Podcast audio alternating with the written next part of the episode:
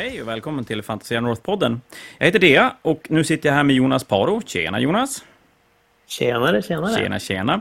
Jag tänkte att vi ska prata Age of Sigmar i allmänhet, men Six Nations i synnerhet, för du har varit iväg på äventyr. Det har jag varit. Jag har varit i Wales och representerat Svea rike i Warhammer-turnering, Six Nations. Sjukt. Men först tänkte jag att du är ju inte en nu kanske jag här slänger ut massa osanningar, men jag tänker mig att du är ingen superkändis på Warhammer-scenen i Sverige sådär. Så du kan väl berätta lite grann om vem, vem du är i figurspelssynpunkt? Ja, jag är eh, Jonas Paro och jag har, spelat, jag har spelat Age of Sigmar ganska länge. I princip sedan det började. Jag har spelat ganska mycket på Fantasia Fanatic och så har jag varit runt lite grann i Sverige och spelat i eh, Malmö och Stockholm och eh, så jag har varit i England och spelat också och ja, nu har jag också varit i Wales och spelat. Du har ju till och med vunnit en Fanatic. Jag har vunnit en Fanatic. Har du? Och det är väl ändå Sveriges andra, tredje största Age Sigmar-turnering. Över tid i alla fall. Ja, ja, det är inte tokigt. Sen har jag ju några silver och några brons också. Ja, jag blev lite nyfiken i England. Vart, vart har du spelat i England? Eh, jag var nere och spelade i Lincoln på en turnering som heter Bobo. Som eh, eh, en ja, ganska stor turnering. Har du, några, har du spelat fantasy förut, innan Age of Sigmar? Ja, jag började 8th edition fantasy. Eh, precis i, i uh, ungefär nej, strax innan End Times. Ja, du började så pass sent. En sån oldie but goldie. Ja, lite så. Jag började ju första gången började när jag var 12, någonting sånt där. Då var det ju fourth edition eller någonting i den stilen. Men sen så blev det ett litet uppehåll och så eh, återupptog jag det i ja, tidigt, tidiga 30 i årsåldern någonstans där kring. Ja, men det är härligt. Det är, då man, det är då man kan göra det som bäst. Innan man får familj för mycket så man faktiskt har tid att spela och man är tillräckligt gammal för att fatta grejen och, och kunna göra det bra. Mm. Så är det ju. Men Age of Sigmar, övergången till Age of Sigmar för dig, var, var den eh, traumatisk eller var den en ganska sådär... Eh, greppade du konceptet Age of Sigmar på en gång eller tog det en stund innan du klev in i det? Det, tog en liten stund. Jag var lite skeptisk, det var jag. Mm. Um, jag eh, tänkte väl att jag tyckte jättemycket om 8 edition. Jag tyckte det var jätteroligt med rank and flank och fyrkantiga baser och sådär. Så jag hade väl egentligen tänkt att jag kanske skulle fortsätta med eh, liknande spel och kanske gå över till Kings of War eller något annat sånt där.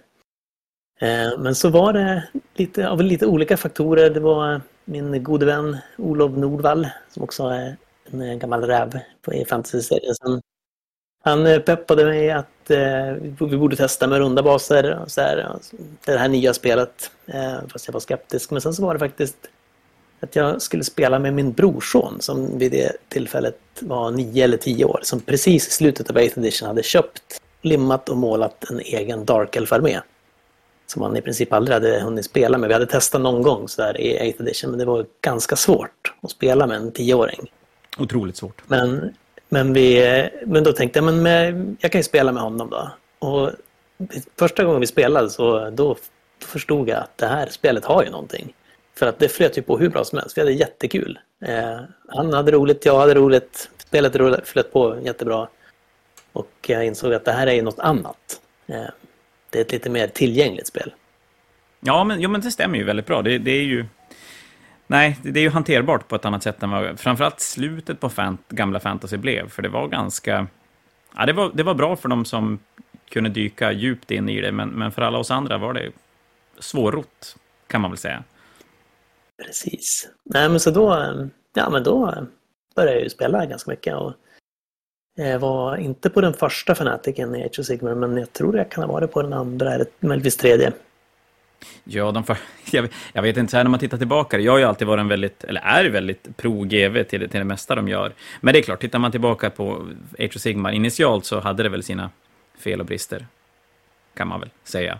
Ja, det, det var inte perfekt, men det var ett bra Men det är spel. bra nu, är det. Det är i det närmaste en edition till, sen tror jag att vi är hemma som fan i Age of Sigmar faktiskt. Men det... Ja. Var för en annan gång. Vi kan komma tillbaka, det kan vi komma tillbaka till en, vid ett annat poddavsnitt och snacka lite grann eh, allmän Age of Sigmar, eller om du vill plocka upp någon bok. Men nu var vi ju här för att du har varit iväg och spela Six Nations, right? Jajamän, Six Nations. Och då kan ju du få börja berätta vad Six Nations är för någonting, för det tror jag inte alla vet faktiskt. Nej, eh, det är inte så konstigt. Det är inte alla som vet det. Men eh, Six Nations det är en turnering för sex Eh, landslag i Warhammer. Där man möts ehm, den här gången i Wales då. Men eh, jag tror att turneringen har flyttat runt mellan lite olika platser. Och vi har väl en eh, vag förhoppning att kanske någon dag kunna stå värd för turneringen i Sverige också. Och då är det alltså England, Skottland, Irland, Nordirland, Wales och av någon anledning Sverige som är de här sex nationerna som gör upp. Det var ju intressant. Det fanns ju uppenbarligen en, en fin, fin ett fel av de där sex nationerna. Eh, jo, lite så. hur kommer Sverige, har du koll på hur Sverige kommer in i den där ekvationen? Jag tror att det är så att Sverige tidigt i Age of Sigmar hade en ganska peppad scen. Vi tyckte om att spela turnering i Age of Sigmar relativt tidigt. Och så tror jag att det beror på att det fanns kopplingar mellan... Eh, med, skulle gissa att Jonathan Edlund har haft ganska stor eh, inverkan på att jag just blivit Sverige som sjätte nation. Han känner ju många av de här eh, namnkunniga spelarna i England. Och eh, jag tror att han då hade möjlighet att dra ihop ett lag av peppade turneringsspelare och och lira. Så att, eh, det är min gissning varför det är just Sverige som är den sjätte nationen. Men hur skiljer sig Six Nations mot ITC? För ITC, hur stora lag är det i Six Nations? I Six Nations är det åtta spelare. Så det är egentligen precis som ETC-scenen var, men ETC ja. kanske inte finns på Age of Sigmar på samma sätt som det gör på 40K?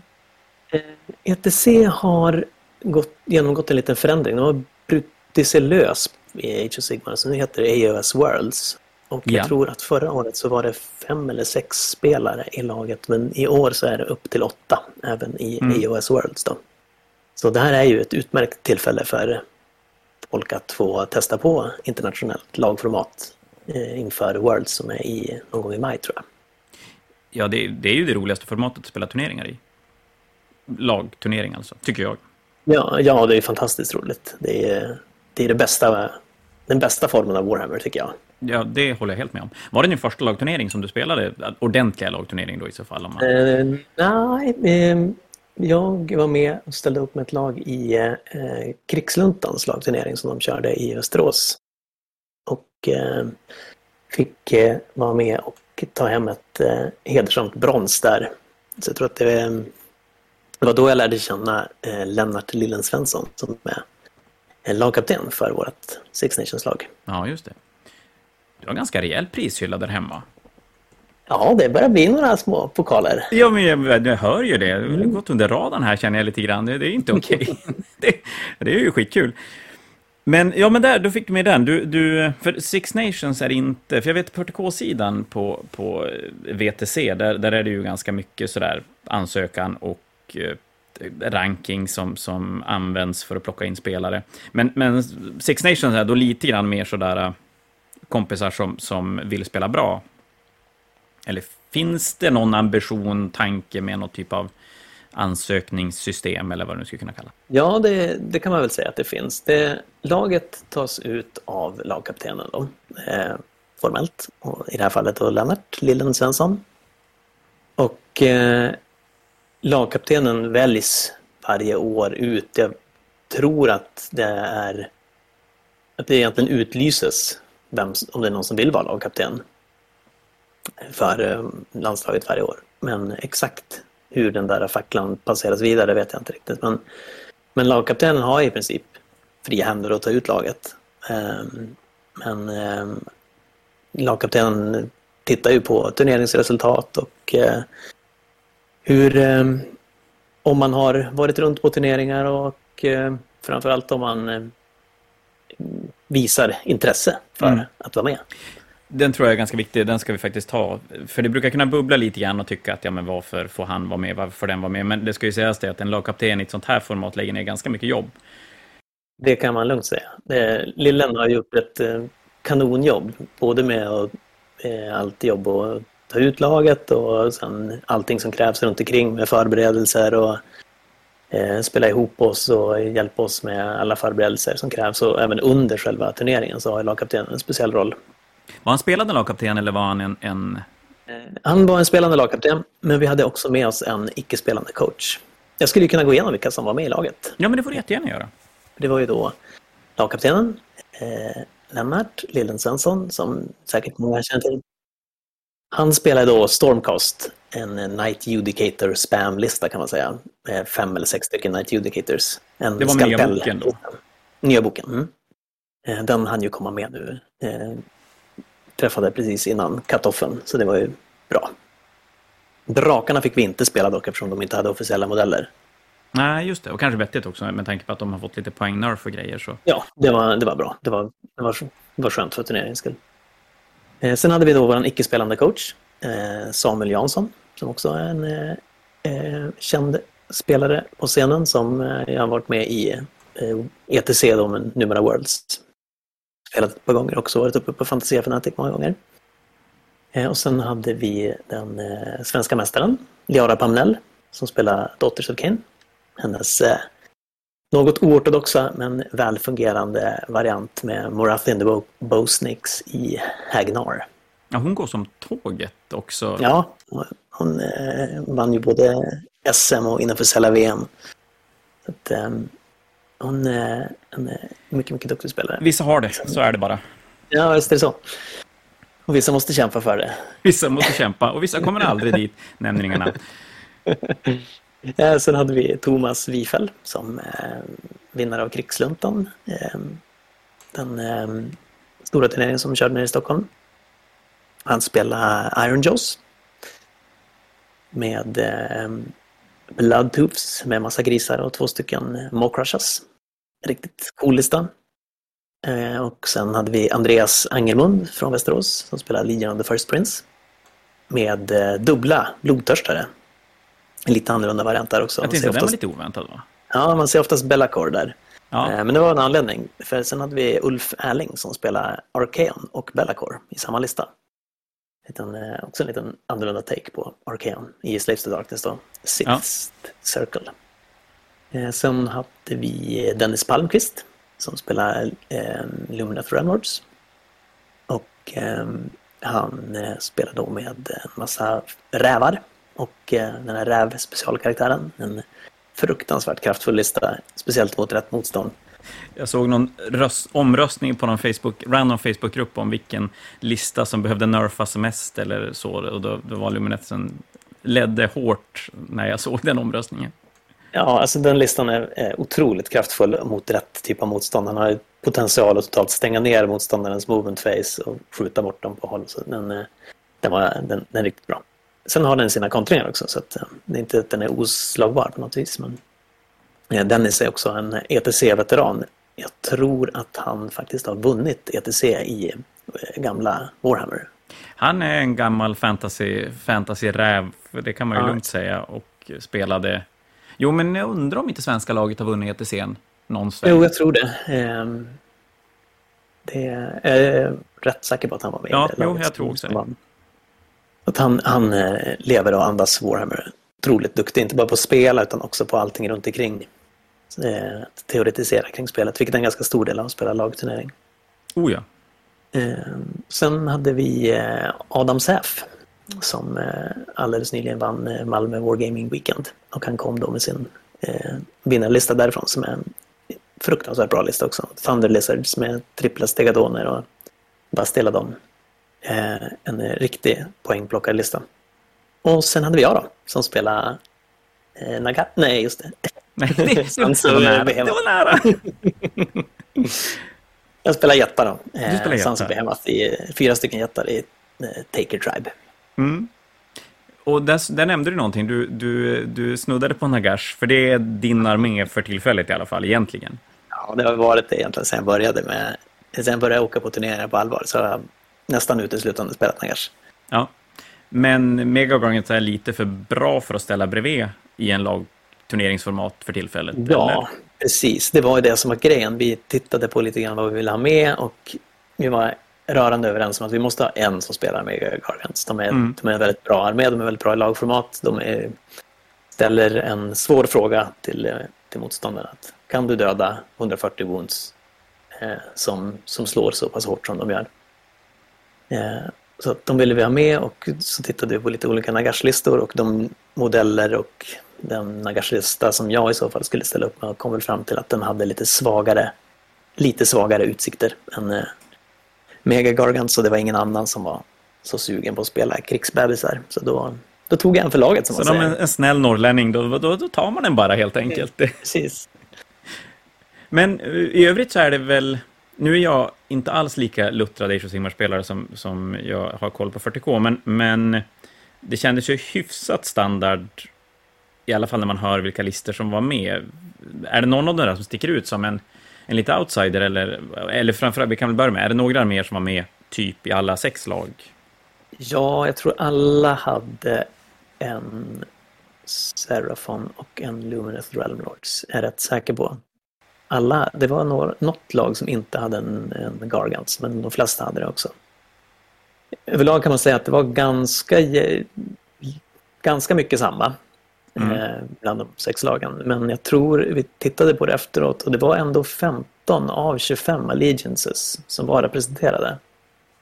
Det är ju ganska bra med tanke på att en del är ju gamla och lider lite grann, eller ganska mycket gör de ju. Ja, precis. Det får, får man ändå säga är ett ganska hälsosamt kvitto på vad man ändå får säga är liksom de absoluta toppen på. Nu försökte ju alla ta det bästa bästa och kom ändå fram till 15 av 25. Så inte som att eh, toppen är riktigt löst ännu. Nej, och, det, och då har vi ändå ett, ett, en tid nu när vi har fått två nya böcker. För Orkboken var också tillgänglig under... Jajamän. Den var också tillgänglig. Vi hade ju Thomas då som spelar Iron Jaws. Så. Ja, just det. Så det är klart, en, en ny edition, ändå bara två nya böcker och det fortfarande är 15 av 25 factions som, som kommer och, och fightas. Det, det är ju ett bra betyg för spelet, så är det jo, definitivt. Jag tycker att det är ganska, ganska okej faktiskt. Och tittar man på de top factions som var representerade så var det inte eh, monobild heller riktigt där, utan många av de bästa faktionerna har två, eller i vissa fall tre starka byggen man kan ta. Om man tittar på eh, Lumineth Realm Lords till, till exempel så finns det två olika varianter där man kan, som vi såg då på Six Nations, antingen Rävarna eller eh, Meteklis. Som båda är riktigt kraftfulla. Uh, och Seraphon, där har vi egentligen tre olika huvudspår. Man kan spela Thunder Lizards eller med Stegadoner som Adam gjorde med bravur eller um, Dracothians Tale med en massa, massa salamandrar som deep strikar in. Eller en det som England körde på dem, eh, som var också bästa poängplockare, en gammal hederlig Fangs of Sotek med ett stort 30-block med Skinks. Ja, och massa salamandrar förstås. Alltså. Mm, visst, så att eh, Serafon-boken är ju otroligt bra, så den har djup och bredd och allt möjligt. Turneringsmässigt nu, hur... Det var sex lag, spela, alla mötte alla eller? Eh, ja, precis. Sex lag, fem omgångar, eh, så man fick möta alla mm.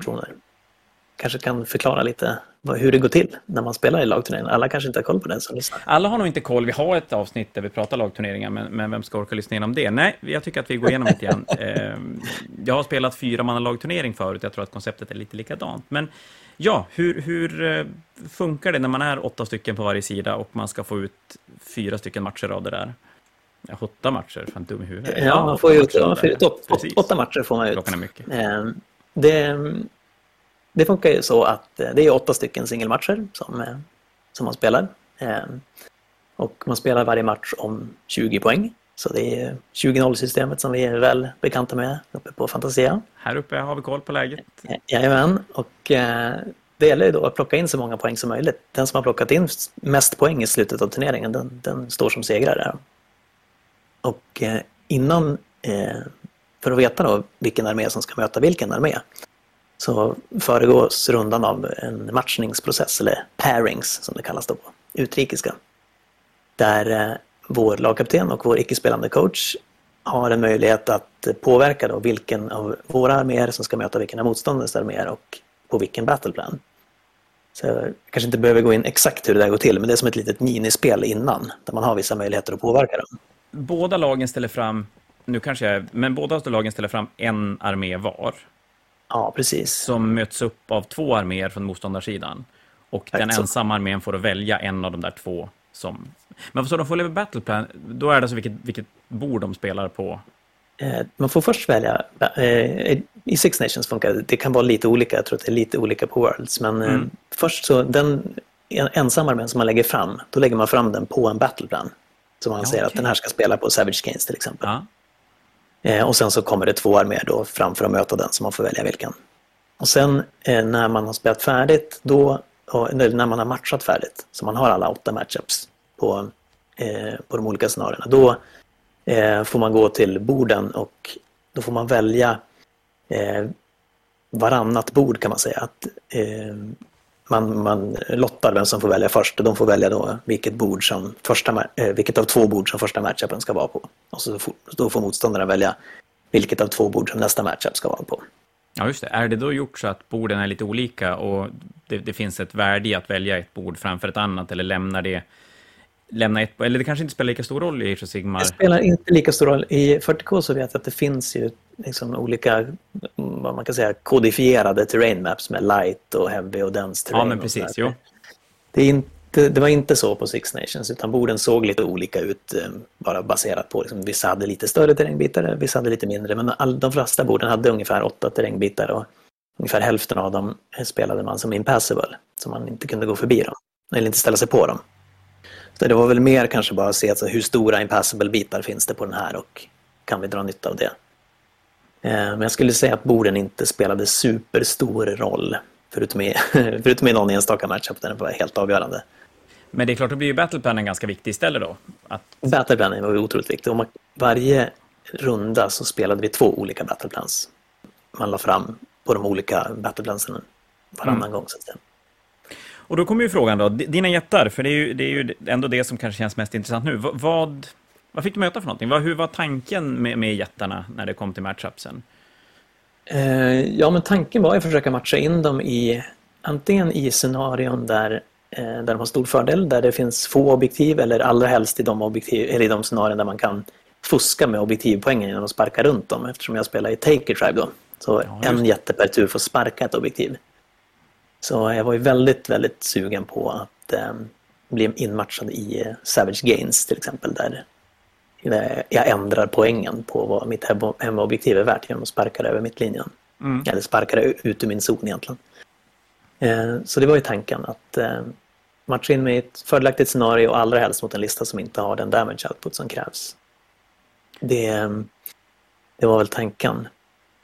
Det ska ju sägas att innan turneringen, så det här är ju ett stort jobb när man åker på en sån här lagturnering, det är att man sätter sig ner tillsammans med coachen och lagkaptenen, eller gärna hela laget, och så går man igenom alla listor som man ska möta och så sätter man en siffra på motståndaren. Vad man tror att man har för chans i den matchupen. Så vi använde siffran mellan 1 och 5 där 5 betydde att den här vinner jag alltid. Eh, 100 gånger 100. 4 betyder den här vinner jag oftast. Eh, då säger man att det är en grön matchup. Och en trea då är den gul. Då är det, det här avgörs ja, av slumpen. Liksom. Lite tärningsrull och grejer. bästa. Ja. Ja. det är ett, ett, ett prioriteringsrull måhända. Mm. Eh, och sen eh, en tvåa, då är det en orange matchup. Det är, är, oddsen är viktade mot mig, men jag kan ta den om jag har tur. Och en etta, då är det, jag förlorar varje gång i princip. Så det hade vi som en stor, en stor eh, matris med olika matchups och eh, skattningar som vi gav då till Samuel och eh, Lennart som skötte lottningen. För att laget får inte vara med i den här ma- matchningsprocessen, utan det, det sköts av eh, kaptenen och den icke-spelande coachen. Vi står bara på sidan. Skönt kackla när som alla ska Mm, ge sig in i någon sorts eh, huggsex om vem som ska, vem som ska vara vem. Men vilka, vilka arméer är dina, dina femmor då? Det lät ju lite spännande. Jag hade... Jag en ganska försiktig person av mig, så jag hade ju inte skattat mig som några femmor. Jag hade en del gröna eh, i den här, eh, just den här uppsättningen. Jag, mestadels jag tycker att jättarna har väldigt bra spel in i eh, Deepkin till exempel, som inte har riktigt den damage output som krävs för att ta ner en jätte. Jag tyckte att jag har bra matchup in i Lumineth med Teklis. Eh, Det är lite mer av en skalpellista. Och när jättarna väl kommer in och börjar veva på sentineller, då går det väldigt fort innan, eh, innan de är borta. Eh, röd matchup, alltså i princip alltid förlust mot den andra Teclis, eller den andra LRL-bygget dock. Med ja, det är det räv, rävbygget som... Mm, att de kan kontrollera jättarnas movement så pass bra. Så om inte jag har jättetur med att kasta stenar på rävarna och få bort dem så jag kan gå fram till objektiven, då blir man nedlåst där. Men, eh, och sen tror jag att eh, vi ansåg en ganska bra matchup i Nurgle också, som inte heller eh, har riktigt den heta damage output som krävs för att ta ut jättarna. Nej, nej de ska väl mer bara stå kvar. Jo, så ehm, ja, det var väl några av de bra matchups som vi hade och sen eh, framförallt tittade vi på vilka scenarion som vi ville matcha in jättarna i. Så i första rundan så fick jag möta då Soulbite Gravelords på Savage Gains. Och då fick jag möta Nagash. Det måste ju vara, det måste vara drömmen, eller? Jag har ju ganska bra koll på Nagash, jag har spelat match flera gånger. Scenario som du ändå känner dig bekväm med och sen en lista som, jag höll på att säga, du kan väl nästan den listan bättre än vad du kunde din egen? Ja, så var det ju faktiskt. Ehm, den hade jag ju superbra koll på, men när vi testspelat innan så har jag haft ungefär 50-50 mot Nagash för att han har damage outputen att ta ut jättarna. Och han kan yeah. också göra dem i princip impotenta med om man får ett par bra magirundor. Men jättarna kan ju också ta ut Nagash om de har en bra, får, får bra eh, sving på sina klubbor. Så det var en sån här eh, mittemellan matchup då? Ja, vi tyckte det var en gul matchup på listan, men mm. grön på scenariot för att eh, Savage Games är så fördelaktigt för jättarna. Ja, det. Var, det, var det en matchup ni, för det ska man ju säga också, i den här matchup-valet eh, som blir i början så är det ju inte alltid man får precis som man vill. Var det en matchup som ni fick som ni ville eller var det någonting som mer föll till motståndarens favör? Och... Eh, jag tror att den här matchupen fick vi dit vi ville. Därför att eh, vi ville ha in, alltså i alla fall med jättarna, vi ville ha in jättarna på Savage Gains och det var huvudmålet. Och det lyckades vi med, så det var ju superbra.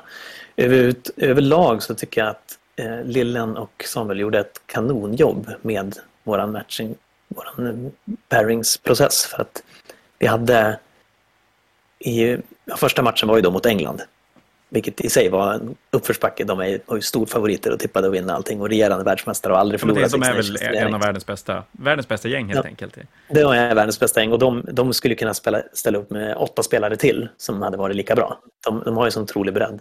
Eh, men vi hade matchupmässigt så såg det väldigt, väldigt bra ut för oss. Vi hade tre gröna och en röd.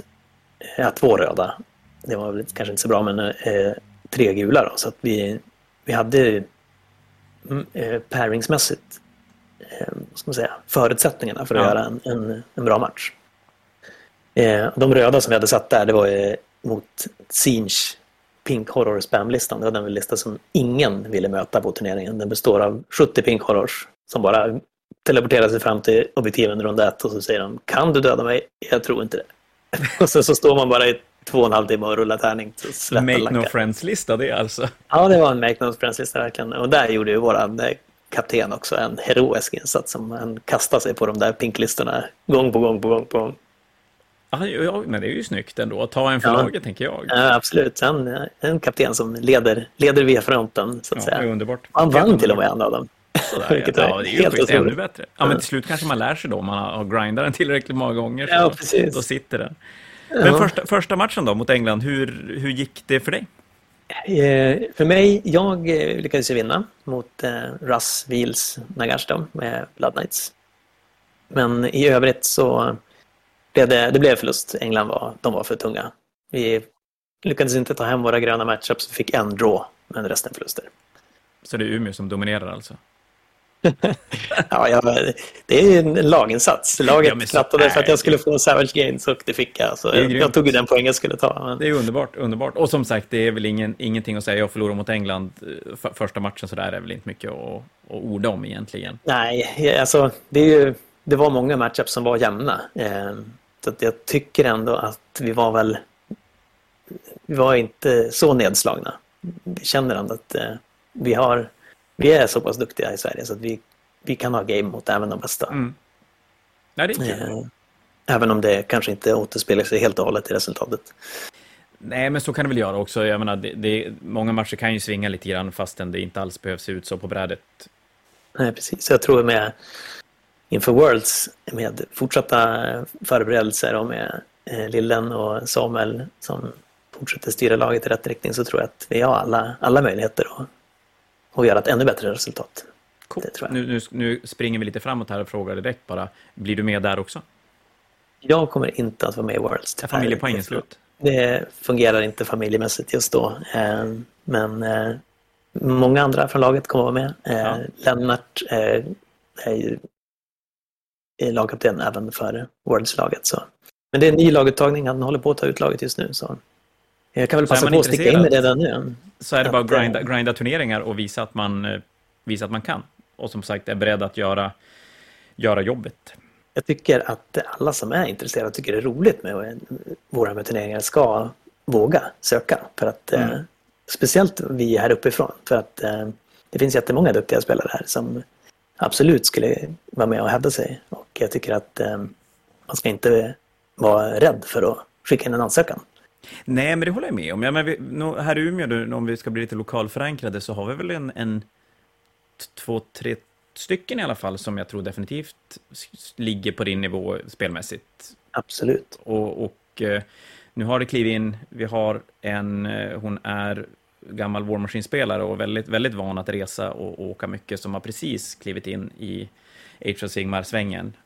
Och, och, där tror jag vi har potential för någon som, för det, för det är väl det att det räcker ju inte att spela en, två Fanatics per år och tycka att jag, jag, jag ska vara tillräckligt, jag är tillräckligt bra för att vara med. Man måste ju ändå åka, jag tror att man måste minimum åka till Malmö eller Västerås minst en gång och göra ett bra resultat för att ens kanske vara på tal. Tycker jag ja, eh, ja, men jag tror att framförallt så kan det vara så att åker man till utanför Umeå så får man ju chans att träffa många av de som är med i laget, för de är ju runt på många turneringar och det gör mycket bara få träffas, få snacka lite och berätta lite om vem man är och vad man vill och vad man tycker är roligt att spela. Så. Sen eh, behöver ju man inte alltid ha eh, tio turneringar i ryggen eh, utan bara några stycken så att man har vågat sig utanför sin hemtrakt och bara comfort zone. Jo, men det är klart. För det är klart, ge sig iväg då till Wales, det första man gör och spela, det, det Nej, men det är väl bra att ha plockat en turnering däremellan så man har som kommer halvvägs, halvvägs dit kanske. Jo, nej, men det tror jag.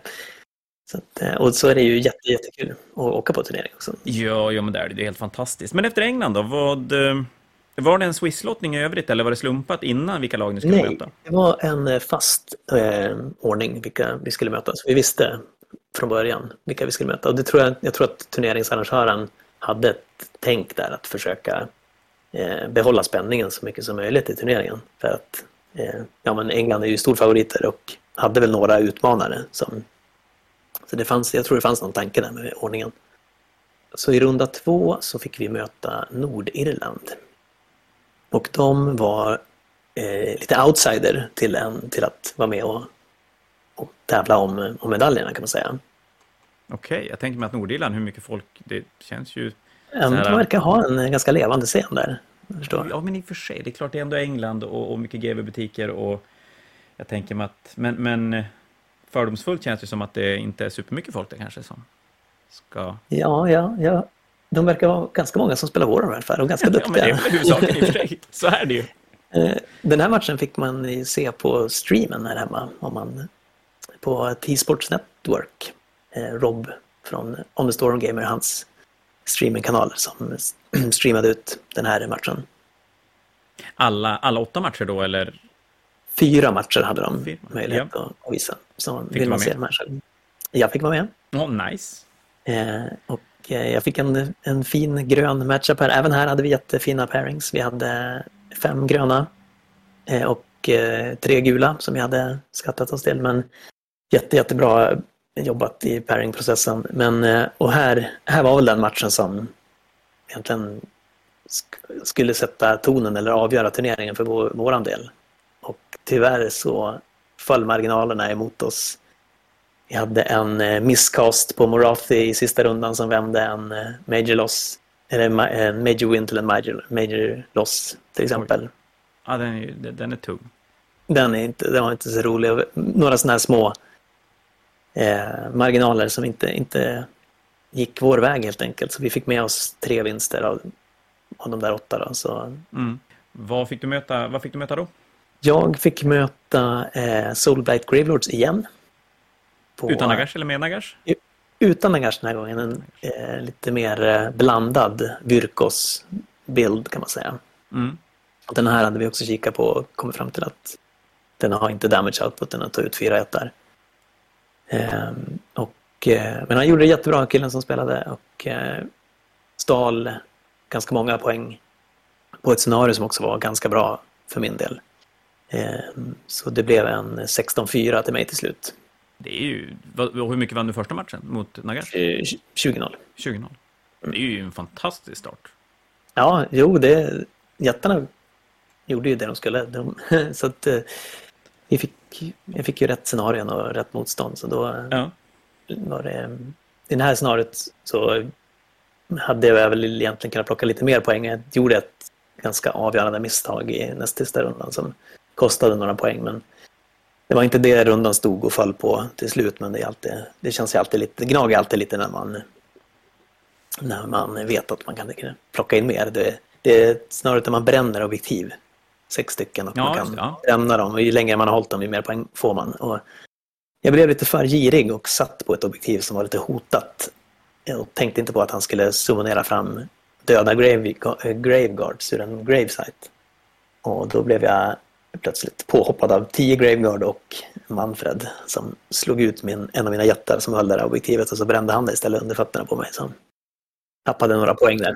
Så, så, kan det ju vara ibland, men, men eh, man måste ju ibland, ibland måste man ju sikta ganska högt också för att plocka de där extra poängen och då kan du ju ibland ja, tillbaka lite grann. Precis, hade jag suttit kvar på det hade jag ju fått en 20-0 om den här jätten inte hade dött. Men, mm. det var ju ett misstag där efterhand. Men ja, det, vi var väl lite, lite modstulna där efter match två. Eh, två förluster i rad. Kom väl ändå ihop oss ganska bra till runda tre. Då vi fick möta Skottland. Och hur står, står Skottland rent, vad tänker jag, i försnacket? Mm, de var väl egentligen, un...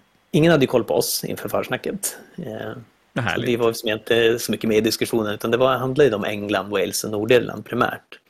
Men Skottland lite, och Skott, men Skottland lite som en outsider också, men Skottland hade gjort en ganska bra match mot England. Visserligen så blev det en Eh, Eh, maxförlust i slutändan ändå för Skottland, men de hade många, många tajta matcher. Och vi hade en väldigt dålig matchningsmatris mot dem som, som, den, var upp, som den var skattad. Alltså vi hade många gula och orangea och röda matchups mot deras listor. Den, vi var ganska nervösa inför den här matchen kan man säga. Spelade de mer annorlunda listor då än, än standardmetat som gjorde att det var, det var mer dåliga matchups? Eller var det bara att de listor de hade byggt ur de metaböckerna var lite, lite, eller passade det lite, lite sämre? Ja, det var snarare så, alltså små skruvningar som mm. passade oss lite sämre. Så, eh, jag minns inte riktigt vilken typ av Lumineth-lista som de hade, om de hade Teklis eller Rävarna, men eh, de hade till exempel eh, deras Gargant-lista var en eh, Breaker Tribe-lista som är en eh, i Mirror-matchen väldigt mycket bättre lista än min Taker Tribe. Ja, ja det, det kan jag tänka mig. Den gör mycket mer skada så man går mot tre jättar mot en och så slår man ut dem en efter en. Så det, eh, tror det fanns andra mirrors också som där deras listor hade fördel. Så vi, det såg, inte, såg lite mörkt ut i, inför pairingsen. Och vi fick också med oss bara två gröna i den här efter den här pairing-processen. Då. Så den var ganska jobbig då, efter två förluster och så lite halv, där det ändå såg ut att vara ganska bra pairings och så sen kommer en där det blir då dåliga pairings. Då, då, då kan det vara lite tungt. Det, det var lite, ja det var alltså lite sammanbitet. Två gröna och två röda och en orange hade vi med oss. Så det, eh, det var mycket som skulle gå till vår fördel om vi skulle plocka ja. några poäng. Och vad fick du möta den jag fick möta Seraphon, en eh, Thunder Lizard-variant. Eh, inte helt olik den som en av våra Umeå-kändisar spelar. Eh, tänker på Albert. Så den har du testat mot tidigare eller var den Den hade jag testat. Ja, jag och Albert möttes ju på Fnatic. En Mm. väldigt tight match. Eh, Så jag visste ju... Men eh, Alberts lista har lite skillnad. Han har väldigt mycket mer screens. Det här var mycket mer raw, raw damage. Ja. Och hur såg den färgmässigt? Hur var den matchupen sagt till då? Var det en, var det en sämre... Ja, det här var en sämre matchup för mig. Att Ja. Den här var gul och inget, inget scenario som... Det var Device där det bara blir ett objektiv i slutet. Och eh, Ja, det det. scenariot passar jättarna bra om jag kan överleva till slutet. Har jag tre jättar kvar i slutet så, som jag kan hålla avstånd på banan och inte börja tappa jättar för tidigt. Men Thunderlizards skjuter ju så otroligt långt. Så de kan ju börja projicera damage på mig väldigt tidigt. Så jag var lite orolig för den här matchupen. Och den blev också väldigt, väldigt tight. Men jag fick en eh, avgörande dubbeltur mellan två och tre som gjorde att jag kunde gå in i hans salamandrar och hans stegadoner och bastiladon och döda nästan allt hans damage output på, på en dubbeltur. Och då eh, blev det... Då hade han inte damage för att ta bort mig på slutet då. Så kunde jag stå med tre halvskadade jättar i mitten och räkna som 90 gubbar på objektiven. Då är det ditt objektiv alltså? Då är det mitt. Då är det ingen som tar det från mig. Ingen som tar det. Så då slutade det också med vinst? Ja, det blev en 18-2 där. Men jävlar, det är ju galet. Det, det var bra och framförallt så var det många matchups som gick vår väg den här gången. Eh, Laget gjorde en kanoninsats. Eh, Liara lyckades vinna en orange matchup, en mirror mot en annan Daughters of Kane. Eh, och eh, i den här matchen så tog ju eh, Lillen en eh, vinst mot eh, deras Sinch Horror Spam-lista i en röd matchup och det ska vara förlust varje gång. Snyggt. Men han spelade brallorna av sig och lyckades plocka den där matchupen. Ingen vet hur han gjorde men han gjorde det. Så att, eh, det blev faktiskt till slut eh, fem stycken major wins till oss här.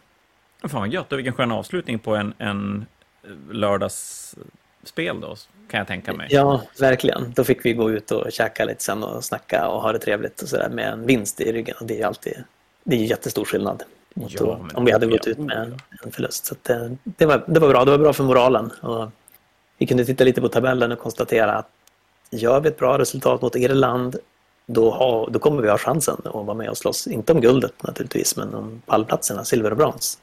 Ja, men det är ju mäktigt. Och, och som sagt, var det då en matchup där ni ändå missade lite grann så, så är det ju ännu skönare att spelarna kan backa upp kaptenerna med att göra ett bra resultat om då matchupen inte riktigt har blivit som, som det var tänkt.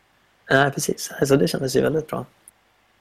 Eh, och sen eh, ja, hade vi en, en trevlig kväll som, som, ju som enligt mig är en väldigt stor del av att åka på turnering är just den här eh, lördagen när man får gå Ja. ut med likasinnade, prata Warhammer, eh, dricka någonting svalkande. Det är ju fantastiskt. Så är det ju. Har det gått bra är man spänd inför, inför dag två. Har det gått dåligt är man avslappnad och, och tar det lugnt och snackar skit. Så det, och här var det lite, lite blandat så det var, det var verkligen trevligt att få lära känna alla i laget lite bättre också. Var jättekul. Ja, det kan jag tänka mig. Var det fler, gick ni ut med, med folk från de andra lagen också, eller, eller var det svenskarna som gick? Vi gick eh, bara med vårt lag den här gången. Eh, vi bodde på samma hotell som eh, irländarna, eller jo, jo, det var nog irländarna som bodde där. Men vi, vi gick ut och käkade själva. Mm, mm. Så, Oj, nu tänkte jag någonting, men det försvann helt bort. Det var säkert inget viktigt, så vi skiter i det. Eh, det kanske återkommer. ja, förmodligen. Det brukar vara så här att det, det, tankar kommer och så försvinner de lite snyggt i alltihop. Men Wales, Wales ja, men, du har, har du varit i Wales tidigare? Nej, det har jag inte varit. Eh, Hur- första gången. Är det, är det, är det resvärt? Ja, alltså eh, Cardiff är inte den vackraste staden som jag har varit i. Är det, är det. England så du bara sjunger om det alltså? Det var, det var väldigt mycket UK över Cardiff. En salig blandning av gammalt och nytt och en byggstandard som man inte är så van att se här hemma. så. Vissa hus ser verkligen ut som de håller på att bara rasa ihop. Och sen så är det blandat med nästa kvarter med superstora skyskrapor i stål och glas. Så att, det, Så är det. det är verkligen en eklektisk blandning. Så en bra Warhammer-turiststad. Jo, precis. Det är en perfekt stad att bara åka till, gå in på en spellokal och spela Warhammer i 16 timmar. Vi, vi var iväg till Prag och spelade fyrmanna lagturnering. Eh, och, och där hamnar man i ett läge att Prag är en ganska härlig stad att gå omkring i och kika på och gå ut och äta och dricka. Så att vi till och med, vi fick en vi fick en baj sista matchen på lördagen, så då stannade vi inte ens kvar, utan då stack vi iväg istället. Alltså sådär, så att, och, och, men, men då är det ganska bra med en stad som inte bjuder på så himla mycket, och så sen kan man åka dit med sällskapet, och då blir det, hela den grejen blir så pass speciell ändå. Ja, precis. Eh, AOS Worlds nu i sommar är i Prag. Så att, eh, ja, just det, det är samma. Det är Prag Open. Det är, det är samma som vi har varit på, fast vi har spelat 40K-varianten. Så det är samma gäng som, som jag förstått det i alla fall, som ska hålla i det som höll i Praga Open. Det, där var det fascinerande mest för att jag, inte, jag har inte rest i Östeuropa så himla mycket och de lokaler som är där, det är ju helt galet. Det är guldramar och stora statyetter och fontäner och grejer inne i hotellen. Som svensk så är det ju väldigt barockt och kanske ganska smaklöst faktiskt. Men eh, ja, det är speciellt är det. Acquired taste. Som säger. Det, ja, så är det. Det är stora tavlor med antingen män i, i, i, i kostym eller damer i aftonklänning. Det är lite så där. Det är stereotypt och eh, ja, in, inte riktigt för alla. inte riktigt för alla kanske. Men så kan det vara. Mm. Men du, söndagen då? Vad, då hade ni kvar att möta, vad blir det då? Det blir... hade vi kvar Irland och Wales. Wales, just det, där, hemmalaget ja. Precis, så vi hade Irland i den fjärde omgången och Irland hade inte vunnit någon match än. Eh, mycket tack vare att de på fredagskvällen gick ut och var väldigt glada. Sent. Känner igen, känner igen det där i turneringsscenen. Lite beroende på vilka man krockar. Jag tror att svenska 42-laget brukar vara ganska duktiga på att vara, vara glada inför turneringar mellan ja, matcher. De hade varit lite väl glada på fredagen. Så att, eh, på, på lördagen hade de haft det väldigt kämpigt att torska alla sina matcher.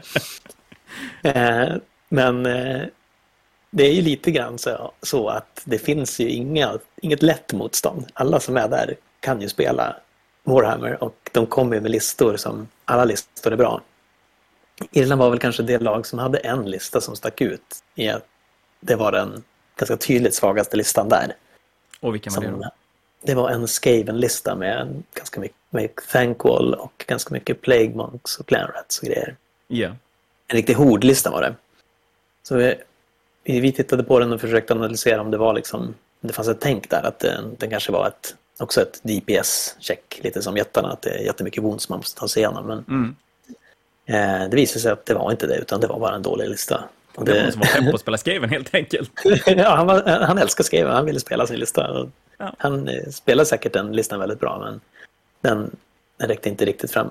Det sa, vi har pratat med honom faktiskt vid frukosten på hotellet och han sa det att den, den här listan är inte tillräckligt bra för den här, den här typen av turnering.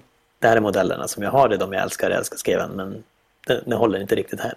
Ja, det finns ju inget sämre sammanhang att komma med en sån typ av lista. Det, för det är väl då, om man ska säga baksidan av den här typen av lagturneringar, att den typen av listor har inte så mycket där att göra. Nej, inte i den här typen. Det finns ju andra typer av lagturneringar där man kan ha eh, spela på ett annat sätt. Men här var ju verkligen vill ju kolla, kom, folk komma med de bästa listorna. För att... Ja, men det är crème de la crème. Då, då, alltså, där ska man väl vinna, så är det. det jag, jag, tycker det är helt fullt rimligt faktiskt. Där räckte det inte till och det, det kunde man se också sen i första matchen när han fick möta våran eh, rävspelare Dennis och de spelade bara en tur. Eh, och sen så sa han att det här går inte, nu går vi och dricker äppeljuice istället. Fortsätter vi helt enkelt var de slutade på fredag. Ja, så att, eh, det, var, det, var, det var den svagaste listan. Men i övrigt hade de bra listor. Eh, men här återigen fick vi väldigt bra pairings. Vi hade fem gröna eh, och två orangea. Då, som, oftast är det ju så att man måste offra lite material. Man tar ja, några orange du får, får inte fem, alltså, du får inte åtta, åtta matcher som du vill. Det är ju helt omöjligt. Nej, precis. Men, så jag tycker de, de var ju verkligen trollkarlar i pairingsprocessen. Ja, än så länge låter det ju helt fantastiskt måste jag säga. Mm, de, de gjorde det otroligt bra. Eh, och den här gången kunde vi också leverera på de gröna som vi fick. Eh, så att, eh, här tog vi en, en eh, maxvinst kan man säga. Ehm, vi vann, sex, vann på sex bord och förlorade på två. Och det funkar nämligen så att man får inte alla poängen utan man, får, man blir capad som man säger. Man kan inte plocka in mer än 100 poäng per match. Och det är för att det fältet inte ska bli för utspritt. Det ska som hållas lite normaliserat så att inte en vinnare ska koras alldeles för tidigt. Det är ju rimligt med tanke på att pairing-processen ändå påverkar spelet så pass mycket att om man failar där två matcher i rad så kan det ju vara rätt rökt och, och Ja, helt otroligt efter, efterhäng. Vad fick du möta där? Eh, Jag fick möta Daughters of Cain i en ganska klassisk eh, K-LeBron-lista. Och eh, med Morathi och 30 stycken, eh, nej inte 30 utan 15 Bowsnakes. Mm. Och det, det är en lista som han sa själv att han brukar kunna städa undan jättar med den där listan. Morathi har damage output och Bowsnakes har damage output och sen han... Så de kan göra skadan men de måste, de måste börja göra skadan från, från, första turen i princip. Men då var det där en, var det en grön matchup för er ändå? Eller? Jag hade skattat den som gul. Ja.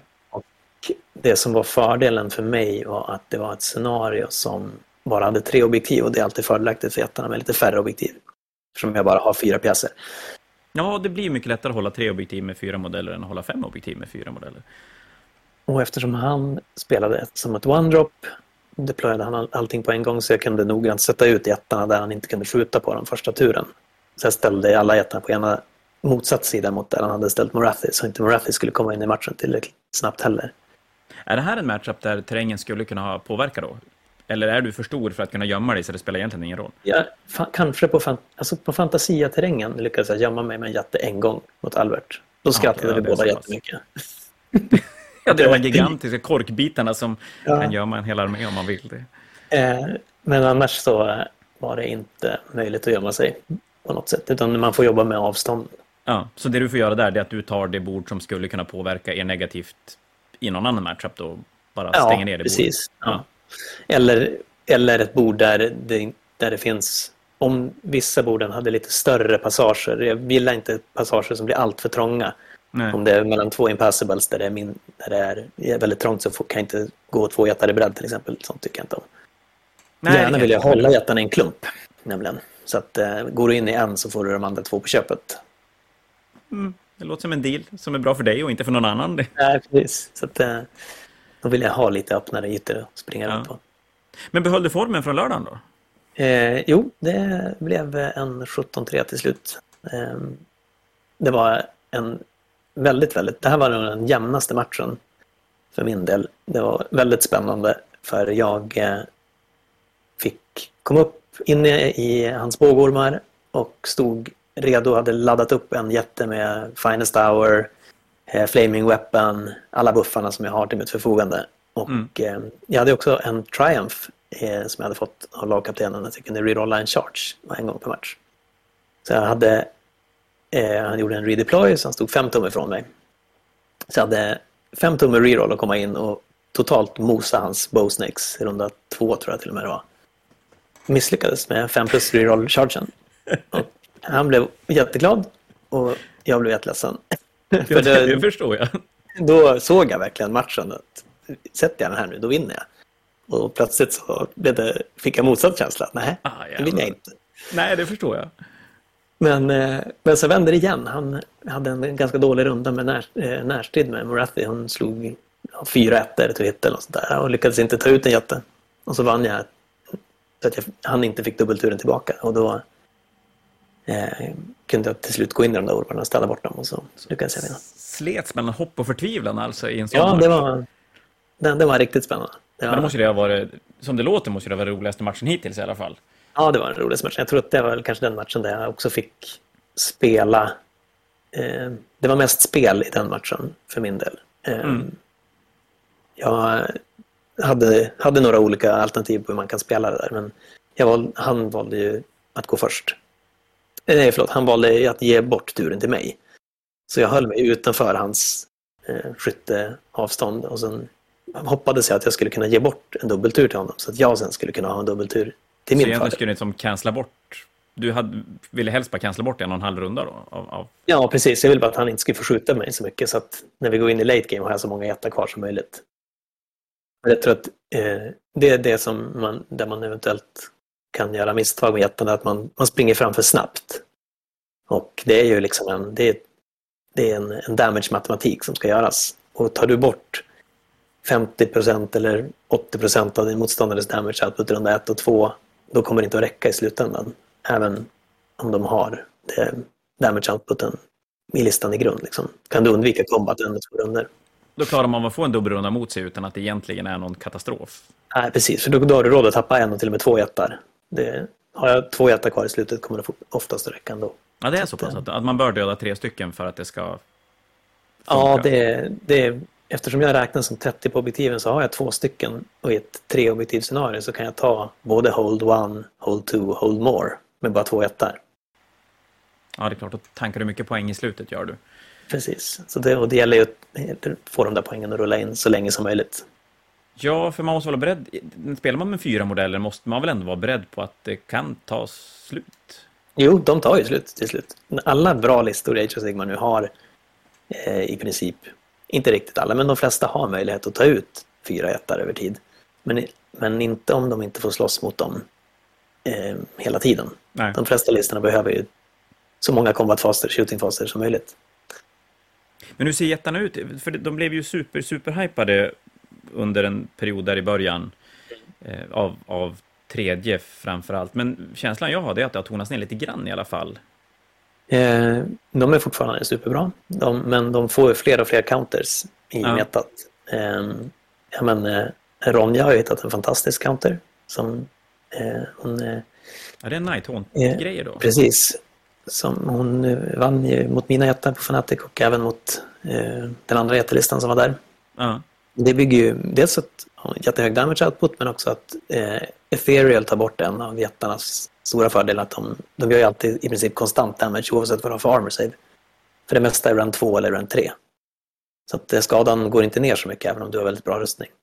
Men med eh, eh Ethereal som hela Nighthaunt-listan är så det spelar, renden spelar ju ingen roll. Så man betalar mycket pris, mycket poäng för någonting som inte gör någonting. Ja, så har man lite, det är lite tungt om, om en närtidsrunda helt plötsligt börjar motståndaren seva bort lite, lite mer än vad den borde göra egentligen. Ja, och, och, då måste det ju bli ganska tufft. Mm. En, en gatebreaker kan ju ibland sätta fyra stycken attacker när, allt, när man har slagit färdigt hit och så vidare. Mm. Och har du då lite tur med dina 4 plus, spika några, spika fyra stycken, ja då gör han noll. Eller tre. det, det är jävla stor skillnad är det. Mm, Men kan jättarna bli en sån armé som, jag, jag tänker mig att den kommer att svänga ganska hårt beroende på hur metat ser ut i övrigt. Om, om folk tolar mot jättar, då helt plötsligt får de det lite jobbigt. Men sen om då jättarna börjar tappa lite fart för att de, är, ja, men de har mycket dåliga matchups, då börjar man, börjar man tola mot något annat istället och helt plötsligt svingar jättarna tillbaka sen. Bra, ja. Jag tror att spelet går mot att göra mer och mer damage. Om man tittar på um, Stormcast till exempel med har deras hammare, Dracotian Guard, otroligt mycket damage eh, Iron Jaws-listan som kommer fram nu gör ju deras hela, hela deras eh, grej är ju att göra damage. Så jag tror att eh, mycket damage kommer fortsätta vara på menyn länge och det kommer ju bli lite, ja, men lite tyngre tror jag för jättarna eh, successivt. Och sen tror jag eventuellt också att jättarna kanske kommer få en liten balansjustering. Att det kanske inte kommer vara möjligt att köra fyra storisar alltid framöver. För det jag ska inte förvåna mig. små jättar va? Visst är det så? Nej, det är fyra stora som gäller i princip. Ja. Även om jag kan se att när vi speltestade lite innan så experimenterade vi lite med eh, tre stora och tre små. Just för att det är mycket enklare att skåra battle tactics, de tidiga battle tacticsarna framförallt. Springa med tre, två units i motståndarens deployment zone. De här grejerna är enklare när du har tre små. Men skulle det vara bättre i ett singelturneringsformat då, där man inte riktigt kan tola matchupsen på samma sätt som man kan göra i lagturnering? Nej, jag, jag, tror vi landade väl i att eh, fyra stora är ändå bättre. Men jag tror att om de tar bort möjligheten att köra fyra stora så man måste köra tre små så tror jag ändå jättarna kommer vara, fortsätta vara en, en turneringsduglig lista. De kommer fortsätta plocka fyra ettor och fem nollor. Ja, men det är kul. Det är, eh, sen är det ju tur att en, man har inte målat upp så jättemycket figurer och man måste kasta sig in i en annan med period, periodvis. Så är det, det, är, är roligt att måla dem också, det är stora mäktiga pjäser. Liksom. Jättefin, mycket konvertering och det finns ju mycket alternativmodeller. Och så, så det, är, det, Väldigt fina modeller också. Ja. Eh, nu, jag tror inte jag pratar en podd utan att prata win-loss kontra 20-0. Eh, så, så, det är en sån, sån grej. Och då, då, kommer vi ju, kan vi ta det redan nu. Win-loss 20-0, vad gör jättarnas bäst i vilket format? Eh, win-loss. Ja, det är så? Det, det skulle jag säga, absolut. Ja. Eh, därför att eh, det beror på Eh, då, då tittar jag på den lista som jag spelar nu som är Taker Tribe. Mm. Den går ju ut på att ställa sig på objektiven och dö långsamt. I princip. Eh, Den, den är inte avsedd för att göra damage. Utan den är avsedd för att manipulera scenariot så att man, man vinner på Och då deniar du inte motståndaren så himla mycket poäng egentligen. Nej, precis. De flesta av mina matcher här på Six Nations så jag skårar ungefär 30 till 35 poäng per match. Förutom i Savage Games där jag skårar 50. Ja. Och jag släppte upp en motståndare till ungefär 20 poäng. Någonstans mellan 20 och 25. ja, det är ju en stabil Eh, win-loss. Mellan Så är det 5 ju. mellan fem och 10 liksom. Så att win-loss så var det ganska... Ja men, eh, ja, men i, i 20-0 så blir det inte, det blir inte så jättemånga 20-0 för jättarna. Det blir 16-4, 15-5 där kring. Ja, just det. Ja, det och det är klart, det, det, det kan ju funka om man, om man går stabilt 16-4 genom en hel turnering, så är det ju. Men det är klart, åker man på en 12-8, 10-10 smäll där och inte har möjligheten att svinga 20-0 tillbaka, då är det halvjobbigt att ta sig hela vägen upp. Sen, sen så finns det ju en annan jättelista som jag kanske tror egentligen är eh, det är den varianten som England körde som kanske är den bättre listan eh, framöver och det är att man kör i Breaker Drive istället. Då har man två stycken Gatebreakers och två Warstompers. Då kan man inte sparka objektiven, man kan inte manipulera scenariot på samma sätt men man har eh, väldigt mycket högre damage output. Gatebreakers står väldigt mycket hårdare än sina andra syskon. Och det kan ju vara då så att om, om listorna runt omkring börjar vara toolade för att möta upp jättarna, då kanske lösningen är att slå ihjäl motståndaren fortare än vad man... Ja, precis. Och det är ju en, en spelstil som passar bra för 20-0. Det bästa sättet att få 20-0 är ju bara att döda motståndaren snabbt. Så att Ja, hen inte får absolut. några poäng. Så är det. där, eh, vill man spela en 20-0-turnering med jättarna så skulle jag föreslå att man spelar den varianten. Coolt. Men då gick ni därifrån med en, en seger i, i första matchen på söndag då? Ja, precis. En seger mot eh, Irland och eh, det kändes ju bra. Och så då var det Wales på slutet. kvar då? Mm. Eh, hemmafördel. Och här inför den här sista rundan så hade vi, räknade vi lite grann och kom fram till att i en helt osannolik värld där eh, vi går fullt med vinster så har vi faktiskt plats på, eller chans på silvret här. Det, då är det ju värt. Går vi en vanlig vinst om man säger så, utan något eh, astronomiskt så då har vi chans på bronset. Mm. Så vi spelade för pallplats eh, och eh, vi fick även här återigen fantastiskt jobb med Paringsen. Det låter, det låter som en trasig skiva nu men de fick verkligen Paringsen dit, dit vi hade hoppats med fyra gröna och tre gula och en orange. De där två ska jag låna med mig på min nästa lagturnering. Mm. Helt det. uppenbart. Det är det ju bara så. Eh, och eh, ja, dessutom så eh, lagkaptenen Lillen slängde sig på ytterligare en sinkista. Den tredje listan under helgen. Tredje. Han sp- spelar ju då alltså mot, eh, ja, vad blir det, 180 horrors under helgen. Eh, Han kan horrorstatsen så här i efterhand. nu, han, kan dem, han kan dem helt klart. Han vill nog inte se en horror till. Det kan jag tänka mig. Eh, Men här så räckte tyvärr inte, räckte vi inte till helt enkelt. Wales var lite för bra eh, och vi hade några tajta matcher som inte gick riktigt som de skulle och det blev en, eh, det blev en ganska stor förlust till slut. Vi vann två, en oavgjord och fick fem förluster. Gasen var slut alltså. Gasen var slut. Vi, verkligheten hade kapp kanske, jag vet inte. Men vi kände väl att vi hade chansen. Jag fick möta en spelare som heter Andy Hughes. Som är ganska känd också. Han på engelska turneringsscenen. Har ett antal 5-0 i bagaget. Och han spelade eh, Seraphon.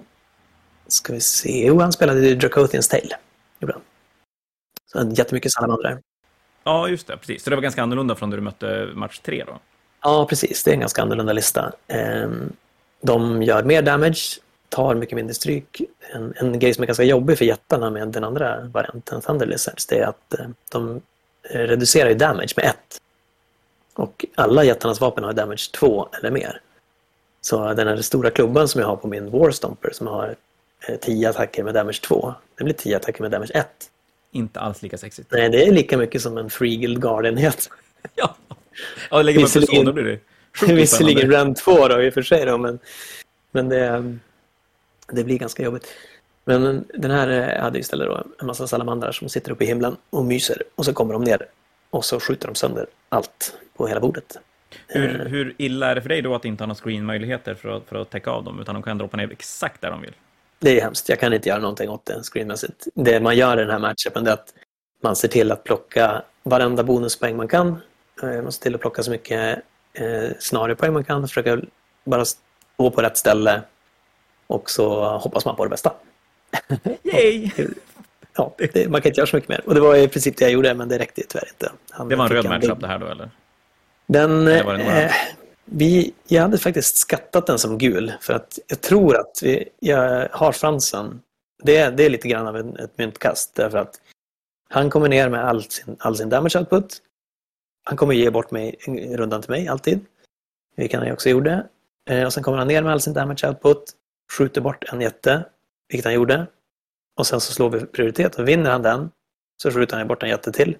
Och då har jag för lite jätta kvar för att göra skada till honom. Om det inte något fantastiskt händer. Men det som hände här var att han kom ner, sköt bort en jätte. Eh, men han sköt inte bort en jätte eh, på sin Han fick dubbelturen då. Och då började jag snegla mot baren liksom, för då kändes det ganska kört. Men han fick inte bort den andra jätten. Han stod kvar på två wounds med sådär som tärningarna är ibland. Eh, och så fick jag dubbel mellan två och tre och slog ihjäl nästan allt. Och i det här laget hade jag en jätteskadad jätte och två ganska skadade jätter. Och då kändes det plötsligt ganska bra. då började jag tro att jag skulle vinna. Alltså. Ja, då hade jag game. Eh, men, eh, men det visade sig att eh, de kan plocka ut ännu fler gubbar på banan eftersom de kan ju summonera så det kommer ner, ner lite fler salamandrar. En salamander kostar ju bara 10 summoning points, tyvärr. Så att det, det droppade ner några fler salamandrar och jag gjorde en, en misskalkylering kan man säga där jag hade, jag hade chansen att antingen slå ut hans salamandrar eh, och en liten skink starpriest eller försöka gå och slå ut hans slan. Men jag, eftersom som jag tidigare nämnde, jag är en ganska försiktig spelare så jag valde att jag tar det som är garanterat, så jag slog ut hans Salamander och Starpristen. Slanen är ganska tankig, den sitter i pyramiden, det minns ett hit. Eh, han hade fem stycken Saurus Bodyguards som tankar wounds åt honom och dessutom så har han en artefakt som man får rulla en tärning så kan den komma tillbaka till liv igen när den dör. Så jag valde att liksom, ja, men, jag tar dem, tar den damage som jag vet att jag kan få, så slog jag alla salamander istället. Och så här i efterhand kan det ha varit ett misstag, för det var ju slanen sen som den teleporterar iväg sig, eh, summonerar fram lite fler salamandrar och i slutändan så avgjordes det på att han rollade sig själv till ett monster och tog Savage Spearhead med två, två enheter på min planhalva, en Bastiladon och den trollade slanen mm. för ett extra bonuspoäng som tog det till 30-30 till hans fördel. Oh, jävlar. ja, det var ju ändå... Det behöver man ju inte skämmas över det var ganska tajt kan det lät, ju, det lät ju inte som så när du inledde den, kan jag säga, att det skulle sluta med en poängs förlust. Och där, där får vi väl då säga att 20-0-systemet är ganska skönt i ett sånt läge. Ja, då fick jag med mig lite poäng där. Eh, de hade en liten speciell 20-0-kalkyl som inte den som vi kör på Fanatiken och inte den som kommer att vara på Worlds heller, tror jag. De gjorde så att en major loss, oavsett poängen, det börjar på 15-5. Ja. Sen kan du bara klösa dig, eh, så du kan max få fem poäng om du har förlorat. Du kan, så kan du släppa fler poäng. Jag spelat sådär någon gång tidigare. Det känns lite bekant. Eller det kan ha varit att vi haft det i, i snacket inför en turnering också, möjligtvis. För, för på Fanatiken då börjar man ju på 10-10 liksom. Och så ju mer större differens så... Men här så kunde det aldrig bli. Så 15-5 är det bästa man kan få med sig från en Major Loss. Så den här 30-31 förlusten som jag fick då, det blev en 15-5. Ja, just det. Okej, okay, så det det blir något sorts mellanting mellan win-loss 20-0-ish grej sådär. Ja. På Worlds tror jag att det hade blivit en 11-9 förlust då. Ja. Men då, då, skulle du ha spelat den matchen så här i efterhand då? Skulle du ha spelat den matchen lite grann som du hade spekulerat att matchupen var? Att, att chansa lite på tärningarna och, och låta det bära eller brista då? Jag tror nog att jag skulle ha försökt chansa på slutslanen. Ja. Mm. Jag hoppas på bra tärningar. Men, eh, det lät inte så stor chans att göra det Hindsight heller. is 2020. Nej, jag, jag, vet faktiskt inte om det är rätt. Jag, jag får konferera med våra eh, Serafon-experter. Ja, men precis. Och, och kolla. Spontant lät det ju som att det var ett ganska liten, liten chans att ha ihjäl den där stackaren i, i pyramiden. Så det kanske var... Ja, det kändes ju så då i alla fall. Men, eh, ja, det, det var så det, det blev. Jag eh, är väl ändå ganska nöjd med den. Eh. Ja, du måste ju vara fantastiskt nöjd med din turnering, känns det ju som. Vad går du därifrån med? Fyra, fyra vinster ja, och en? Fyra majors och, och en... Fyra major, loss, fyra major wins och en, en loss. Så det, ja, det, det, var, bra. det var bra. Men, Men som lag då? Hur slutade det för er till slut? Var det fyra eller? Ja, vi slutade fyra. Men det tycker jag också är ganska viktigt när man spelar en lagturnering. Att, eh, det är ju lagets resultat som, som är viktigt. Jag fick mina fyra vinster men det är ju för att jag har blivit matchad mot det motstånd som är fördelaktigt för mig och de scenarion som är fördelaktigt för mig. Så eh, tycker att man ska vara ganska restriktiv med att titta på de individuella resultaten i en lagturnering. För det har någon annan har ju, någon annan har ju tagit en massa, massa gult för att sätta upp eh, mig och de andra poängplockarna i bra lägen. Liksom. Ja, men det handlar väl om att, att lista ut vilka arméer som ska kunna plocka mycket poäng och de måste plocka sina, sina poäng. Och så gäller det att de som inte ska kunna plocka sina många poäng ska se till att inte tappa mycket poäng. Och jag menar, den oavgjorda är ju näst, ja, den är lika viktig som den, den vinsten. Så är det ju, det är ju inget snack. Absolut, det är otroligt viktigt att ha sådana arméer och sådana spelare som, som klarar av att spela för de små poängen i de svåra matchupsarna. Det, är ganska, det kan ju vara ganska psykiskt jobbigt att vara den som blir kastad under bussen som man brukar säga. Den som får de här svåra matchupsarna hela tiden och ska göra det omöjliga. Så um, jag tycker att man ska inte fokusera så mycket på hur, eh, ja, de individuella resultaten. Men Nej. för lagets del så en fjärdeplats. Vi eh, var väl eh, nöjda med avslutningen och Eh, det var den där Nordirland-matchen som vi, där vi kände att vi hade, ja, det var den som avgjorde vår turnering lite kan man säga.